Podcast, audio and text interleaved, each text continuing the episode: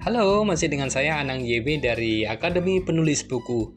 Banyak yang tanya ke saya bagaimana menentukan spesifikasi buku yang mau kita terbitkan.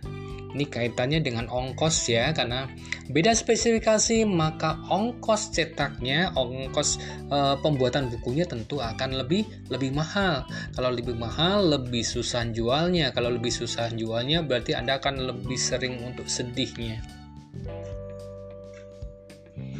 Jadi apa dong yang perlu kita pertimbangkan ketika kita mau menentukan spesifikasi dari bukunya? Pertama, pertimbangkan ukuran bukunya. Yang kedua adalah pertimbangkan bahan-bahan kertasnya. Dan yang ketiga adalah pertimbangkan finishing dari buku Anda. Maksudnya gimana? Oke, kini penjelasannya. Nah, pilihan yang pertama adalah Anda mencetak kita mulai dari covernya dulu. Cover itu ada dua pilihan. Anda bisa soft cover atau hard cover, ya. Tentu beda harga gitu.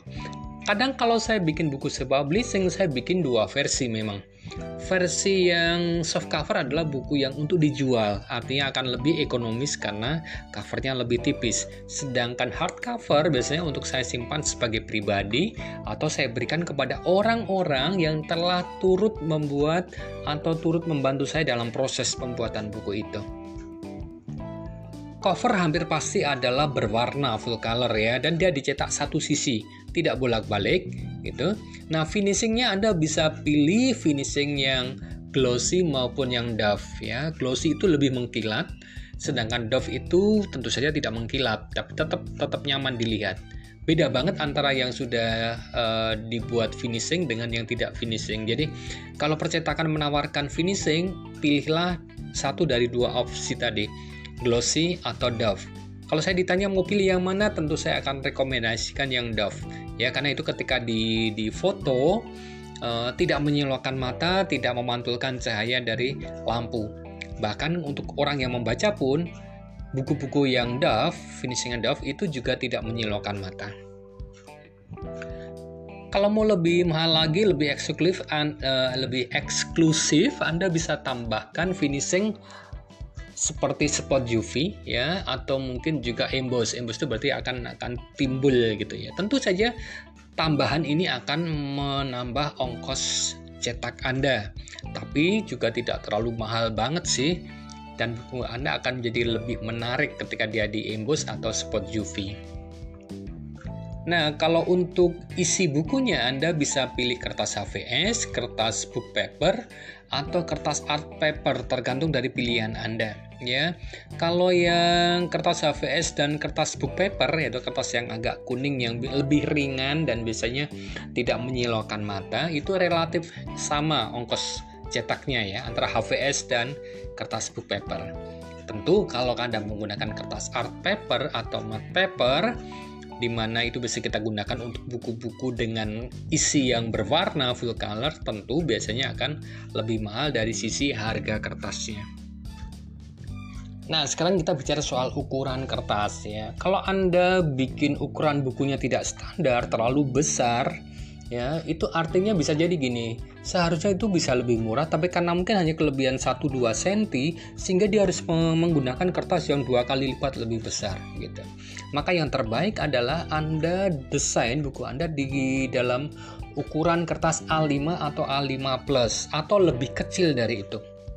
Cara paling simpel ada ya Anda ukur buku-buku yang umum yang dari penerbit umum anda ukur aja panjang kali lebarnya. Biasanya dia tidak akan jauh dari ukuran 14 kalikan 21 ya. Naik sedikit paling bedanya menjadi 21 cm, 21 setengah cm.